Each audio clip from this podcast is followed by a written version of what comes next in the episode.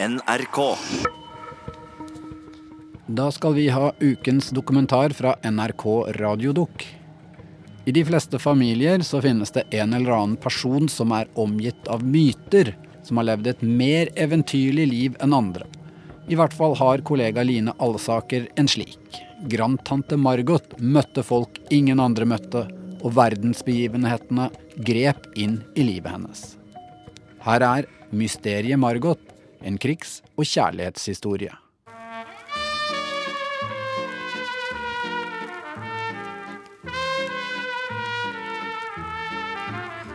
Å gå inn i en sånn parfymeforretning hver gang, det var jo som å gå inn i en annen verden. Eh, Så, å, lukter, vet du, og alt dette her, vet du. Neglelakk, vet du. Rouge og Hva heter det i dag? Foundation. Dette er min far, Bjørn Alsaker. Han snakker om parfymeriet til vår families myteomspunne tante, tante Margot. Min grandtante og min farmors eneste søster. Hun levde et liv blant godlukt, pelskåper og bergensfiff på 40- og 50-tallet. Det er det som sier det var, det var noe rart med Margot. Hun var et eiegodt menneske, skjønner du. Men hun var styggest med seg sjøl når det først gikk galt.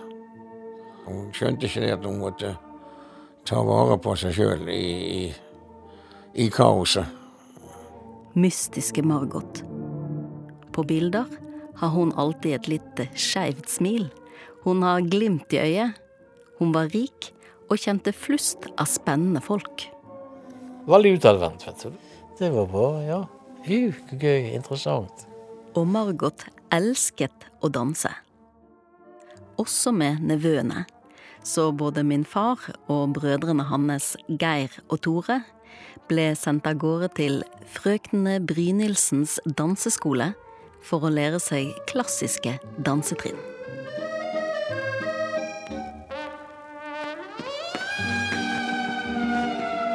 Det skulle være vals, og det skulle være quickstep, og det skulle være ikke denne her jitterbuggen. Og det var jo sagt, Vi var jo tre gutter. så Vi var danseløver. Fra Alsaker. Dere sønnene der. Utpregede danseløver. Sier de det? Ja da, absolutt. Jeg har sittet på fanget til tante Margot da jeg var bitte liten. I våre familiehistorier har aldri tante Margot vært en heltinne. Jeg prøver å forstå hvorfor. Rundt kaffe og kaker er det alltid noen som sier 'stakkars Margot'. Hun gikk jo konkurs, alle vennene forsvant, og så han derre, som sviktet hun så brutalt. Han derre var Margots ektemann. Hvorfor skulle han banke på hennes dør? I det huset bodde jo Herfryde med flere hundre mennesker der. Det er mange løse tråder i historien om tante Margot. Og svarene jeg får, varierer med hvem i familien jeg spør. Ingen har hele oversikten. Ja. Her er en av hennes favoritter. Rodisjurike, en tysker som var populær for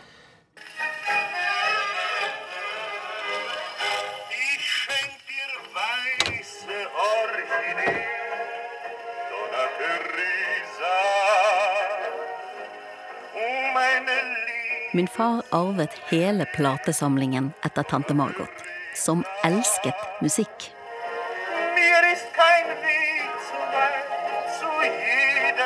Tante Margot blir født i 1905 og får etternavnet Foss. Hun er enebarn i fire år. Da blir søsteren Gunvor født, min farmor. Tante Margot tar realskolen, får være med faren til sjøs, til utlandet, og alle i familien er helt enig i at hun har språkøre.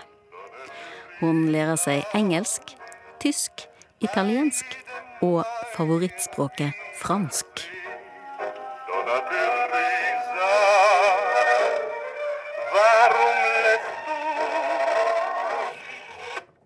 Hun kunne veksle mellom tre, fire, fem språk.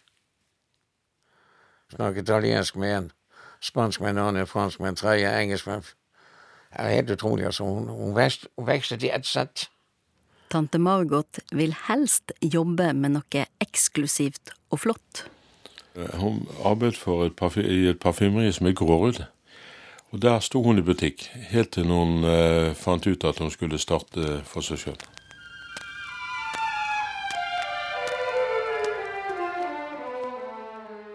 I begynnelsen av januar 1937 åpner Margot Foss AS Parfymeri i Nygårdsgaten 1 i Bergen sentrum. Der er det buete vinduer, glassdisk med smykker og krimskrams, bijouteri. Mot veggen et bleikgrønt utstillingsskap med speil, der de virkelig dyre parfymene står. Foran disken en liten sittegruppe i smien. Min far syntes parfymeriet var som et eventyrland. Jeg lærte jo navnet på mange av disse. Soir de Paris, Nuit de Longchamp så du. Og så var det disse, så solgte de jo disse her um, menstruasjonsbenene. De var jo pakket inn. Og så spurte jeg hva er det for noe, sa jeg. Har du ingenting sa Jeg har skjønt at tante Margot er temmelig omsvermet i Bergen på slutten av 30-tallet. Og i tillegg en selvstendig dame med god økonomi. Hun vil heller spise på restaurant og ta seg en pils enn å lage mat sjøl. Og hun strør om seg med presanger. De sa jo det at hun kunne gi ræven vekk, sa de, hvis det, han hadde vært løs. Han hadde gitt vekk den. Tante Margot tar òg privattimer i fransk hos en egen lærer, kun kalt mademoiselle. Mademoiselle er en av kundene i parfymeriet. En liten, tynn dame. Når hun kom inn i butikken og skulle ha noe, snakket de bare fransk. Første øyeblikk.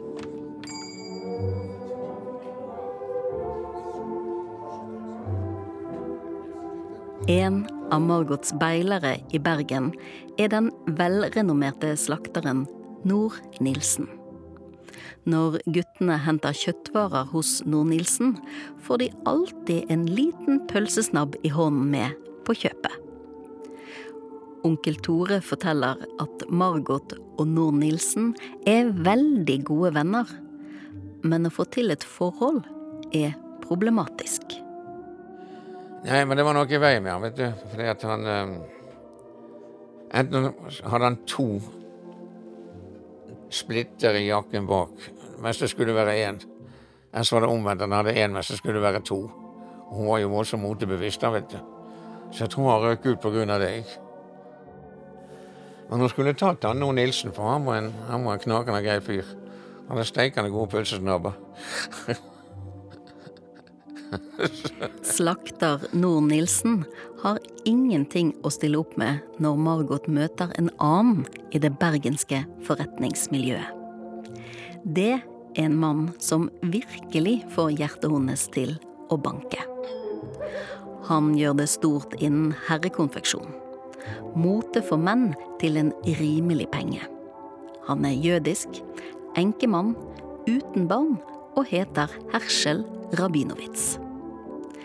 Det finnes ikke mange bilder av han, men på de få jeg har sett, er han mørkhåret, velkledd og i midten av 40-årene. I familien ble han kun omtalt som Rabinowitz. Margot og Rabinowitz blir kjærester. Eller bukseforlovet, som min far kaller det. Vil du gjemme denne lille rosa som du fikk av meg forleden kveld? La den være deg et lite minne, meg selv. Det blir jo sagt at han også jobbet til med penger som fikk starte butikk den gangen. Han var ute, mye ute med forretningsforbindelser, vet du. Men hun var glad i å ut og det skjedde noe, ut og føre seg, som det het. Jeg ser for meg tante Margot når hun står bak disken i parfymeriet sitt.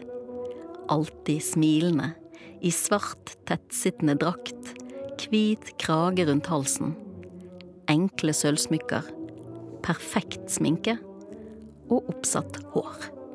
Det var noe eh, krøller eller ruller eller, eller pølser eller hva de kalte det for i frisyren som skulle være sånn og sånn og sånn. Min far blåste av det. Pølser, sa han. Onkel Tore kan ikke huske at hun nok en gang gikk i flate sko. For Margot var det kun høye hæler som gjaldt. Ja, hun fulgte moten til punkt og prikke så sant som hun kunne. Hun gjorde det. Det var jo voldsomt inn med leopardjakka.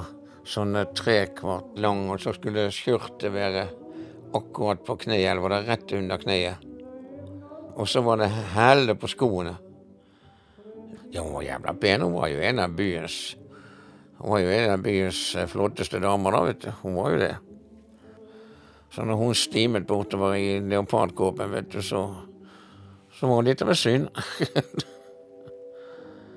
Hun var nok sikkert veldig ettertraktet, vet du, men eh, som jeg sier, hun, hun var forbanna nøye på det, vet du.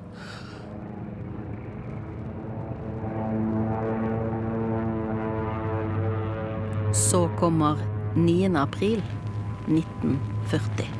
Tyske krigsskip har også under kamp med festningen passert inntil Bergen, som er besatt.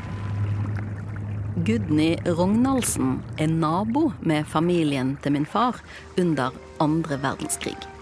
Og bor i etasjen under, på Nygård, ikke langt fra tante Margots parfymeri. Jeg passet Bjørn og, Geir og de. Gudny er ofte barnevakt for min far og brødrene. Og den jobben fikser hun tydeligvis så bra at Margot vil ansette henne i parfymeriet sitt.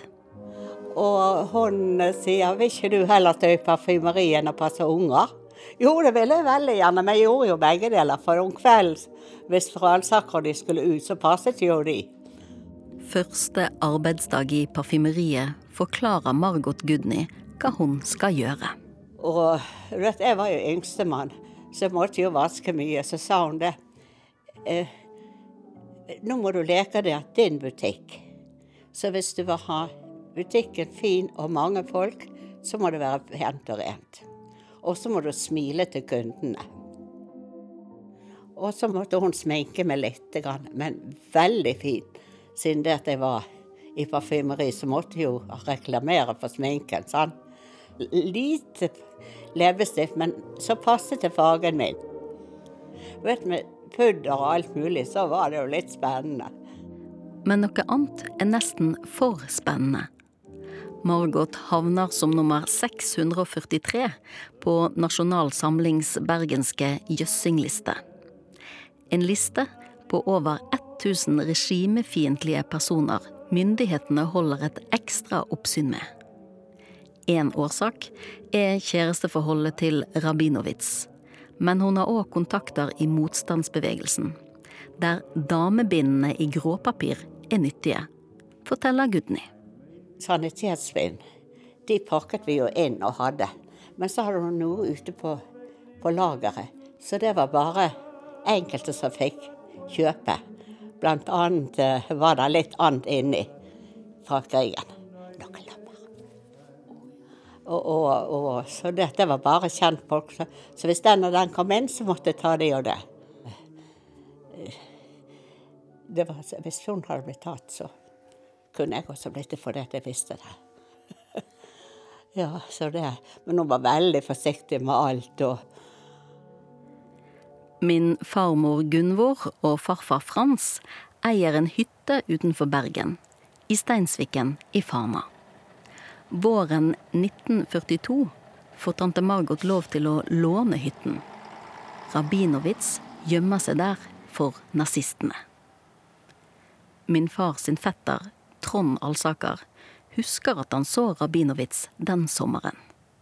Han var middels høy og veldig pen. Jeg vil si det, at han var en pen mann. Eh, Men det er ikke noen kraftkar. Han var Det vil karakterisere han litt som en sånn kontormann. Ja. ja. Han virket jo litt sånn som når han stelte i hagen, litt klossete da. Jeg vet ikke helt om jeg kan forestille meg hvor redd tante Margot må ha vært for hva som kunne skje med kjæresten. Hun virket kanskje litt mer oppskjørtet enn en, en vanlig. Og når hun var nede og hilste på uh, Rabinovic, det, det tror jeg at hun var. Margot leier en dyr treroms leilighet på hjørnet av det nybygde appartementshuset i Håkonsgaten 2, med utsikt ned mot nøstet. På veggene i stuen har hun bilder av familien og andre kjære. Men bildene av Rabinowitz tar hun ned og gjemmer, forteller Gudny. Så det, det var ikke et bilde lenger der. Hun var der og så de tomme flatene. Hvis, hvis noen hadde kommet opp og sett det, så var jo hun også blitt sendt til Tyskland. Sånn. For da skjønte de at hun hadde et forhold der. Sånn. Rabinowitz velger å dra tilbake til Bergen og Margot når høsten kommer. Kanskje de to trodde kjæresteforholdet ville beskytte Rabinowitz mot nazistene? Margot og Rabinowitz undervurderer jødeforfølgelsene. En morgen står statspolitiet på døren til tante Margot. Det kom en politimann opp og, og ba han pakke. Han bodde jo da hos tante Margot. Og eh, tante Margot var rasende, og politimannen hadde sagt at nå måtte hun roe seg, ellers så kunne det bli farlig for henne. Hun eh, skjelte han ut, fordi hun syntes det var helt forferdelig. Margot får aldri snakke med Rabinowitz igjen. Han blir sendt ut av landet sammen med 500 andre jøder. 1. desember ruller et tettpakket godstog inn til konsentrasjonsleiren Auschwitz. Tre uker etter dør Herschel Rabinowitz. Den offisielle dødsårsaken er lungesykdom.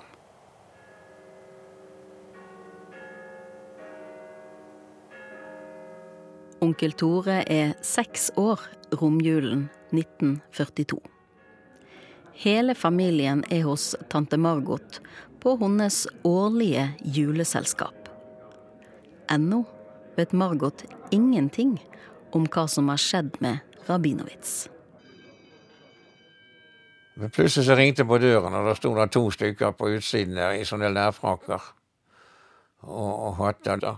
Gestapo, vet du. Og de spurte etter Margot. Og vi satt jo der, vi var jo en, vi var vel syv-åtte stykker med far og med mor og jeg og Nei, Vi var jo helt stive av skrekk, alle som satt der, vet du. Vi fikk bare beskjed om kom med et ons, ikke sant. Og så Dere sitter her. Punktum. Gestapo tar med seg Margot og går ned fra fjerde etasje. Resten av familien kan bare lytte til skrittene som forsvinner.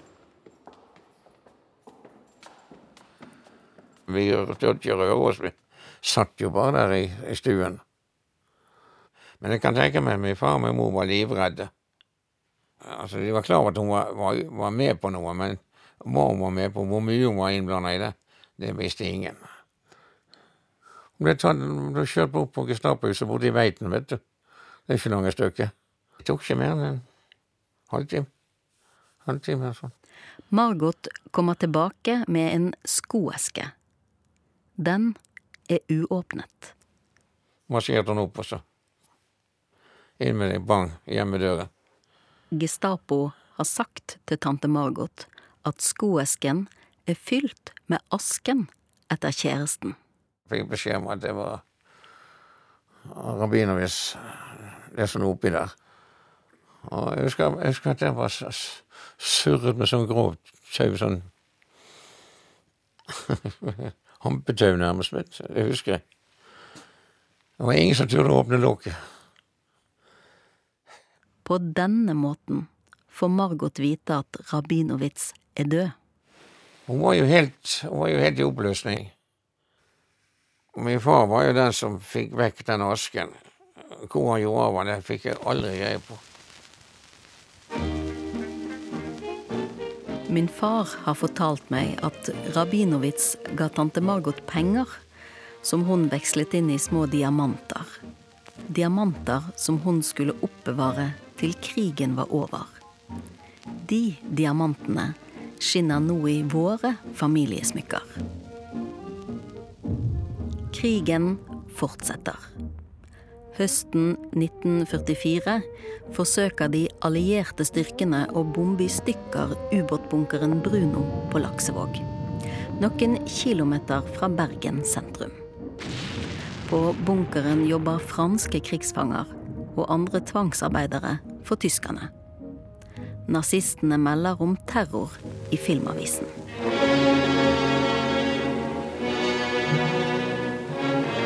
En større avdeling firemotors angloamerikanske bombefly har etter et terrorangrep på Bergen.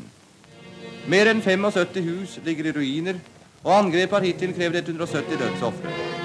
Tante Margot bor på den andre siden av Puddefjorden og er i et bomberom under flyangrepet. Ute i gatene er det røyk, støv og kaos. Når faren er over, går hun hjem og blir der resten av kvelden. Det skal vise seg å bli avgjørende for fortsettelsen av denne historien. Men historien går sånn som jeg har fått fortalt. Og det var det at han jobbet ute på ubåtbunkeren. Altså antagelig som tvangsarbeid. Tante Margot vet det ikke sjøl, men kjærligheten er på vei over fjorden fra Laksevåg. Noen påstår at han svømte over. Det tror ikke jeg. Da har han druknet. Fra Laksevåg til Nøst. Det er ikke mulig. I arbeidstøy og greier. Men jeg tror han har kommet seg opp i en båt og kom seg av gårde over og gikk og hveste, var det sagt, rundt omkring der med appartementshuset på Nøstet. Det var jo full forvirring der, vet du, for det var jo bomber som var falt der. Og så kom han i kontakt med han der eh, vaktmesteren i eh, appartementshuset. Han tok sigaren. Fikk han inn i huset der. Og så ble hun spurt om hun kunne ha han i dekning. Tenk deg sjøl. Margot er 39 år, og antagelig fortsatt i sorg. Det er krig. Det har falt bomber over Bergen. Hun er endelig hjemme og skal slappe av. Men så banker det på døren. Der står vaktmesteren med en rømt tvangsarbeider. Han var relativt høy, mørk, med bare Typisk nordafrikansk på en måte. Det er en veldig pen og våt tvangsarbeider. Muskuløs, med brune øyne og mørkt hår. Og han snakker fransk. Han heter Mohammed Halfon og er fra Algerie. Og det var, hele tiden var det understreket han var ikke araber, men han var berber. Hva er forskjellen? Ikke vet jeg. Tante Margot sier ja til at den ukjente kan komme inn. Og der blir han værende, forteller onkel Tore. Han lå i dekning og sånt. Vi fikk jo streng beskjed om ikke snakke om at han var der i det hele tatt. vet du. Det var jo Han var i det huset hele tiden, inntil krigen var over. Over et halvt år etter at Mohammed sto søkkvåt på dørterskelen til Margot, kommer endelig freden. Det er blitt 8. mai 1945. Bergen er våknet efter vinternatten. Solen skinner i lysegrønne lier. Flagg vaier overalt. Små og store på benene.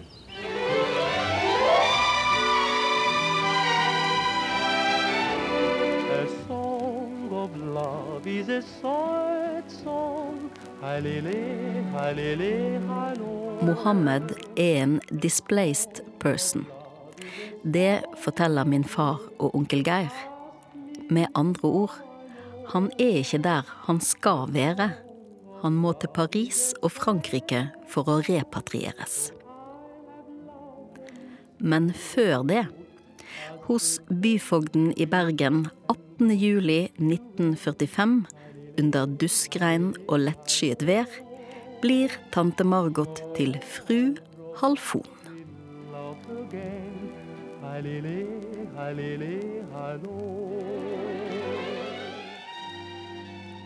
I september blir Mohammed sendt ut av Norge.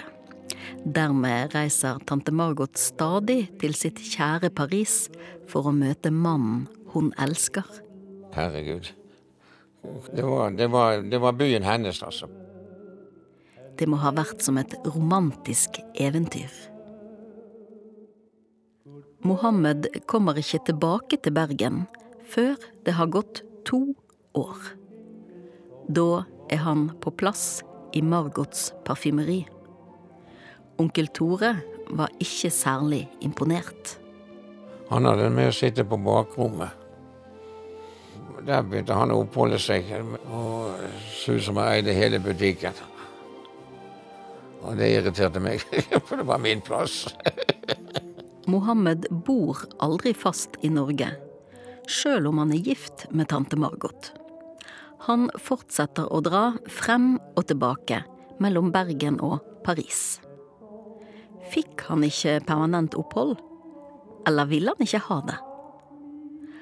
Og hva syntes egentlig Margot? Kanskje det var et spennende, annerledes liv? I Fremmedregisteret er Mohammed registrert som reisende kjøpmann. Han selger tepper fra egen fabrikk, forteller tante Margot til familien. Tydelig stolt. Det tar mange år før ekteparet Halfon endelig kommer sammen til et familieselskap, forteller fetter Trond.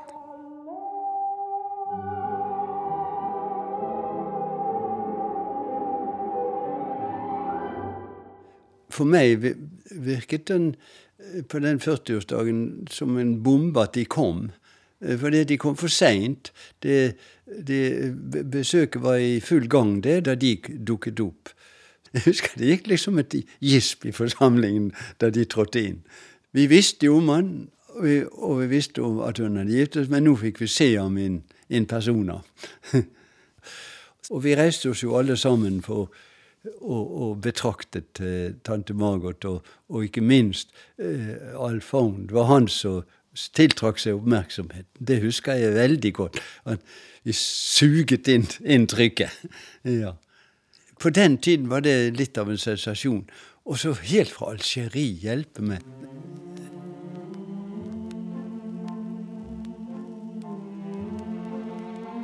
Altså Hun var veldig glad hver gang hun kom inn i butikken. Så var hun, strålte hun liksom opp. sånn. Og selv om de bodde sammen, og sånn, så var hun et eneste stort smil. Gudny er overbevist om at tante Margot har funnet den store kjærligheten. Men det var jo sånn som jeg innbilte meg at folk skulle være når de var forelsket. sånn. det, det var det. Og Nei, Han virket veldig populær og veldig snill med henne og sånn. Tilsynelatende. Så Men man vet jo ingenting. Tante Margot har en ektemann som har like god og dyr smak som hun. Nevøene ser at Mohammed kun går i skreddersydde dresser og sover i silkepysjamas på silkelaken. Vi kalte det i hvert fall onkel Mohammed eller onkel Alfon, sa vi. Jeg var jo egentlig ikke sikker på hva han egentlig het. Om han het Mohammed eller Alfon. Han het jo begge deler. Så bestemmer Margot seg for å ta et litt lengre opphold i Paris. En måneds tid. For å være mer sammen med Mohammed. Det oppholdet skal bli fatalt. Før Margot drar, ansetter hun en ny ekstrahjelp. Hun ordner òg med sjekker og kontanter til Gudny, så regningene kan bli betalt. Så var det en regning som forfalt, og så Men det var jo ikke penger i kassen nok til den regningen, fordi hun hadde stjålet så masse. Det er vikaren som ikke er til å stole på. Hver dag stjeler hun fra varene i butikken. Alt fra pudder og leglelakk og til og for ikke å snakke om parfymer. Og, og vanlige deodoranter og tannkremer og sånn har hun gitt vekk til naboer og venner og ikke tatt penger for. Gudny må ut innimellom. Da går pengene fra kassen rett i lommen til vikaren. Snart kommer Margot tilbake. Så når hun kom hjem, da, så var hun helt fortvilet når hun så hvordan det var, og hvor mye varer som var vekke. Og da var det i grunnen hun fikk knekken, og det var ikke hennes skyld. Margot gir den utro tjeneren sparken og må skrape sammen penger til alle regningene som ligger og venter. Men noe har skjedd i Paris. Noe som forblir en hemmelighet i mange år.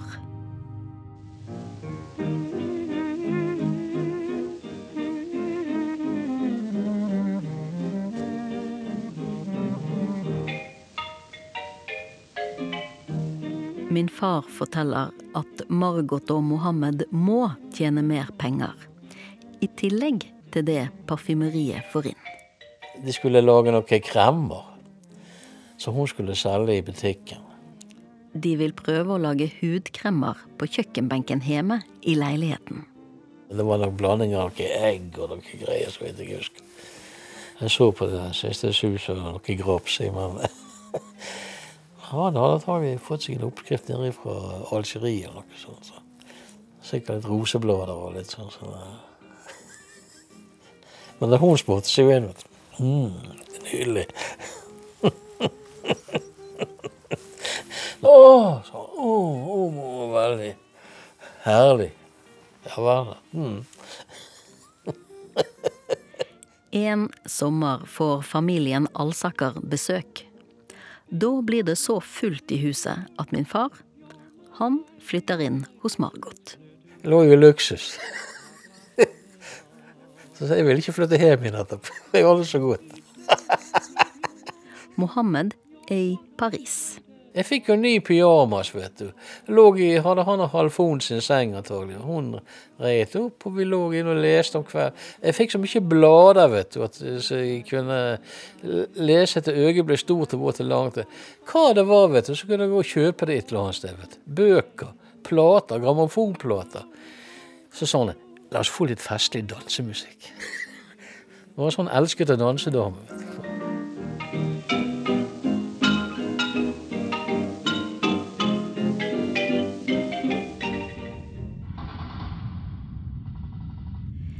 I 1954 starter det som skal bli en åtte år lang blodig frigjøringskamp i Algerie. Min far forteller at når Mohammed er hos Margot, sitter han oftere og oftere med øret klistret til radioen for å få med seg siste nytt om frigjøringskampen i Algerie. Jeg husker han og Halfod han satt og lyttet på eh, hvordan Algerikrigen gikk. vet du. Måtte tune inn til, til franske radiostasjoner. Sånn sånn han sa Hva hører du på, sier jeg. Så, min land. Jeg hører på min land. Å ja. Visste, det var noe vi ikke skulle spørre dere mer om. Mohammed er fortsatt lite i Bergen. Men Margot sender gaver og brev jevnlig. En gang kommer han til Bergen for å bli operert. Han hadde hemoroider. Ble lagt inn på Florida sykehus. Uten å nøle betaler Margot flere tusen kroner til et privat sykehus for at Mohammed skal få den beste behandlingen. Og min mor var så forbanna. For sa skjærer han opp i ræven for tusenvis av kroner, sa hun. Det må da være måte på min. Antagelig var de litt sånn redd for at pengene skulle forsvinne ut av familien. Og det gjorde de også.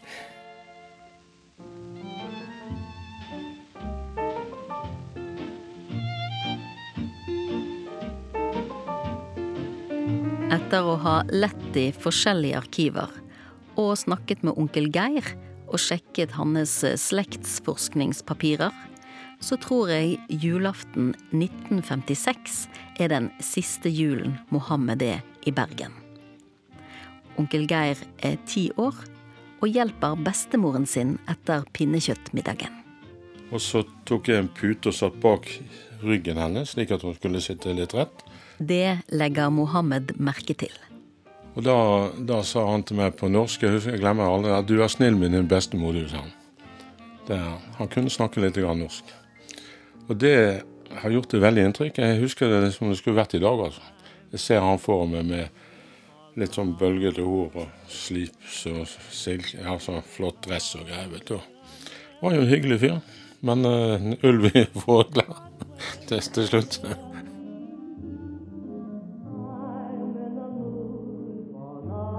En stund etter nyttår er tante Margot som vanlig på jobb i parfymeriet.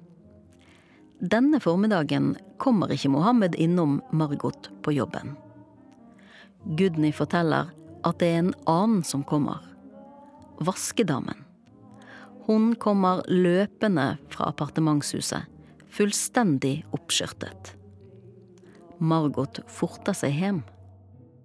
Der er det tomt. Mohammed er vekk. Hun ante ikke det at han skulle reise. Og når hun kom hjem, så var det bare lapp på at han sa tak for seg. Også. Og da var det hun fant ut at sølvtøyskuffer og alt var tomt. Det hadde han tatt med seg til. Og om han da reiser til Alger, det vet jeg ikke. Det står tydelig på lappen som ligger på bordet at Mohammed ikke kommer tilbake. Og det blir verre. En kveld, omtrent et halvt år seinere, har Margot besøk av familien. Da drar hun frem et ukeblad, Paris Match. Og, og viser et bilde av to våpensmuglere som har blitt tatt av franske gendarmeriet.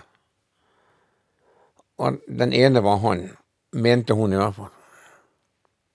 Så vidt jeg forsto i artikkelen, så var de rett og slett bare blitt henrettet for våpensmugling. Nå gikk omtrent fullstendig i oppløsning også.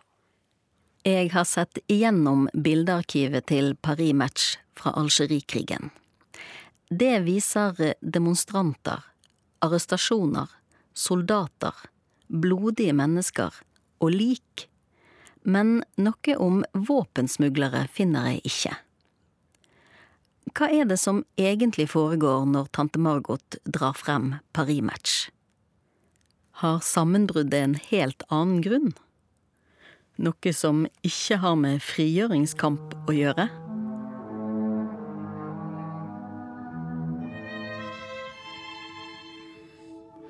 Da begynte hun å drikke. Da begynte hun å drikke for alvor. Hun åpnet ikke butikken, eksempel.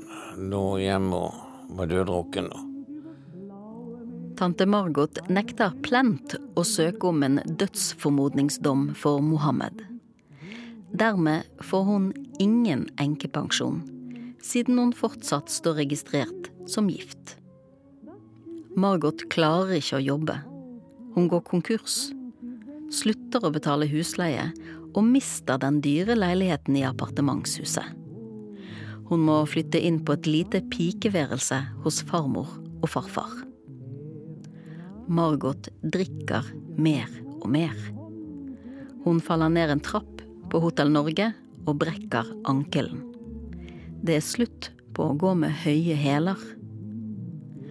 Farmor og farfar er totalavholds, og særlig farmor engster seg for om søsteren vil stjele familiens sølvtøy for å skaffe seg penger til alkohol, sier onkel Geir.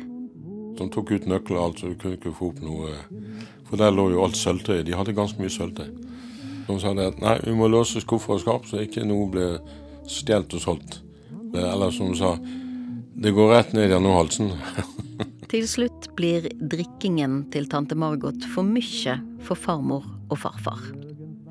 De kjenner formannen i Edruskapsnemnda, og han hjelper de med å få sendt Margot til avrusning på en institusjon for kvinner på Bjørnebekk i Ås. Min mor var ganske fast bestemt på det at det var eneste måten å, at hun kunne komme seg på beina igjen.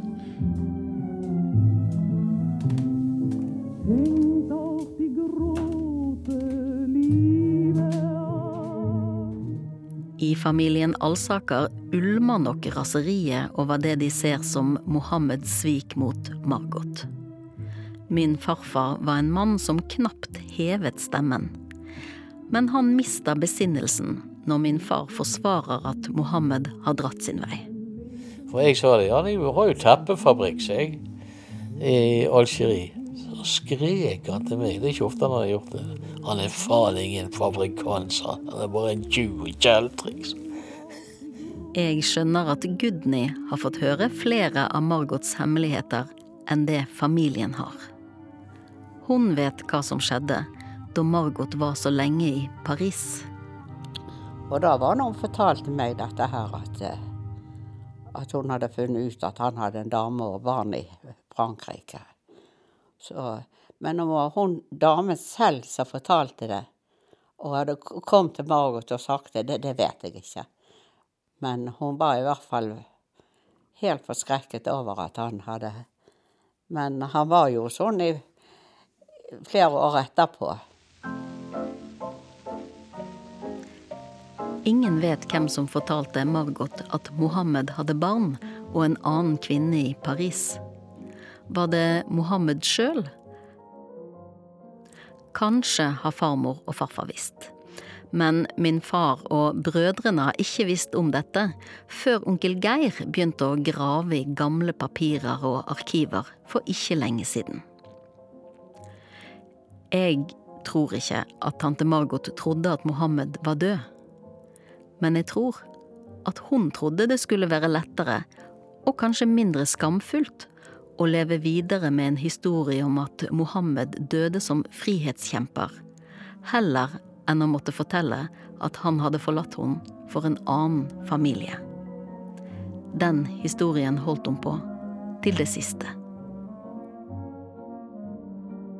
Hun ville aldri være med på noe. Hun satt hjemme og drakk litt. Når vi andre gikk, f.eks. var invitert på på julaften eller på nyttårsaften, så satt hun hjemme. Hun var vel aldri helt edru, vil jeg tro.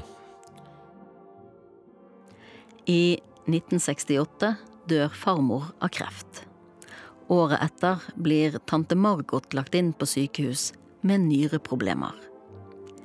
En måned etter innleggelsen ringer telefonen hjemme hos farfar. Min far forteller at det er en av Margots venninner som ringer fra sykehuset. Og så sier hun ja, hun det at ja, Margot er død. Uff, sa han. Hva gjør vi nå? Og Så var jeg oppe på sykehuset, da skulle vi se henne. Så eh, var disse her eh, som jobbet der oppe, de sa ja, det er fru Halfon dere skal se. ja. Så sa hun det, hun ene. Jeg anbefaler det at dere ikke ser henne, for hun ser ikke bra ut, hun. Og eh, så kom jo dette med at om, om, om hun er gift eller om hun ikke gift. Det var store problemer for henne Så, så vi har ikke hørt noe. Så vi går ut ifra at hun er gift. Dødsannonsen i Bergens Tidende er nøktern, skrevet av farfar. Fortjente ikke Margot noen siste kjærlige ord? Onkel Geir har en kopi. Står bare 'min svigerinne død i dag'. Det er 30. mai. Ja. 1969. For familien Frans Alsaker. Altså, vi er jo ikke med, ikke sant? Ingen av oss er nevnt. Eller Så kondolanser ønskes ikke. Ja. Hva betyr det? At du ikke vil ha noe sånn Vil ikke ha verken blomster eller eller noen minneord eller noen ting. Skal vi se om det står noe der. Foranværende forretningsdrivende Margot Foss Alfon, 64 år. Så du ser at av dødsannonsen så er det ikke, det er ikke noen følelser her, altså. Det er ganske enkelt. Min svigerinne Margot Alfon. Født Foss, døde dag. Punktum. Og hva skjedde med Mohammed? Så seint som i 1968 var han i live i Algerie, ifølge slektsforskningen til onkel Geir. Margot hørte aldri fra han igjen. Men de ble aldri skilt på papiret. Hvis jeg får liv i dette.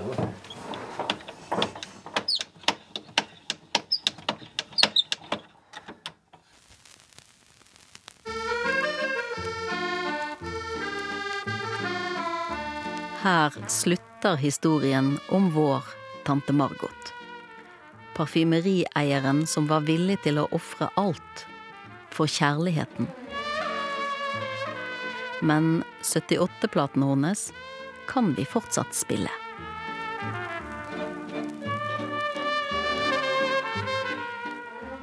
Vi blir overøst med både kjærlighet og alt mulig for hun, vet du. Og så når hun får seg et par i hatten og vet du, sånn, Kom her og dans med din tante. Jo, kom da, ikke vær så treg. Sett på noen plater, og så danset vi. Å, oh, herlig. og et menneske som på en måte elsket livet. Det er så sånn som det var.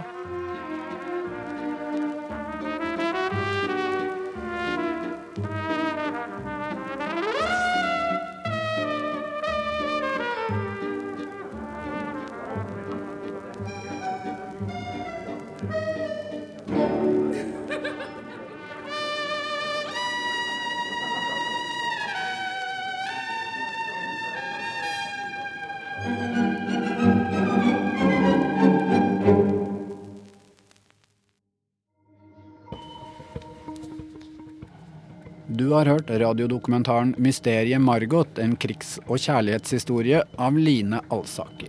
Teknisk regi var ved Kjetil Hansen, og konsulenter Hegedal og meg selv, Kjetil Saugestad. Ikke nøl med å sende oss en e-post med synspunkter eller reaksjoner. Vi svarer på alt som sendes til radiodok at nrk.no. NRK.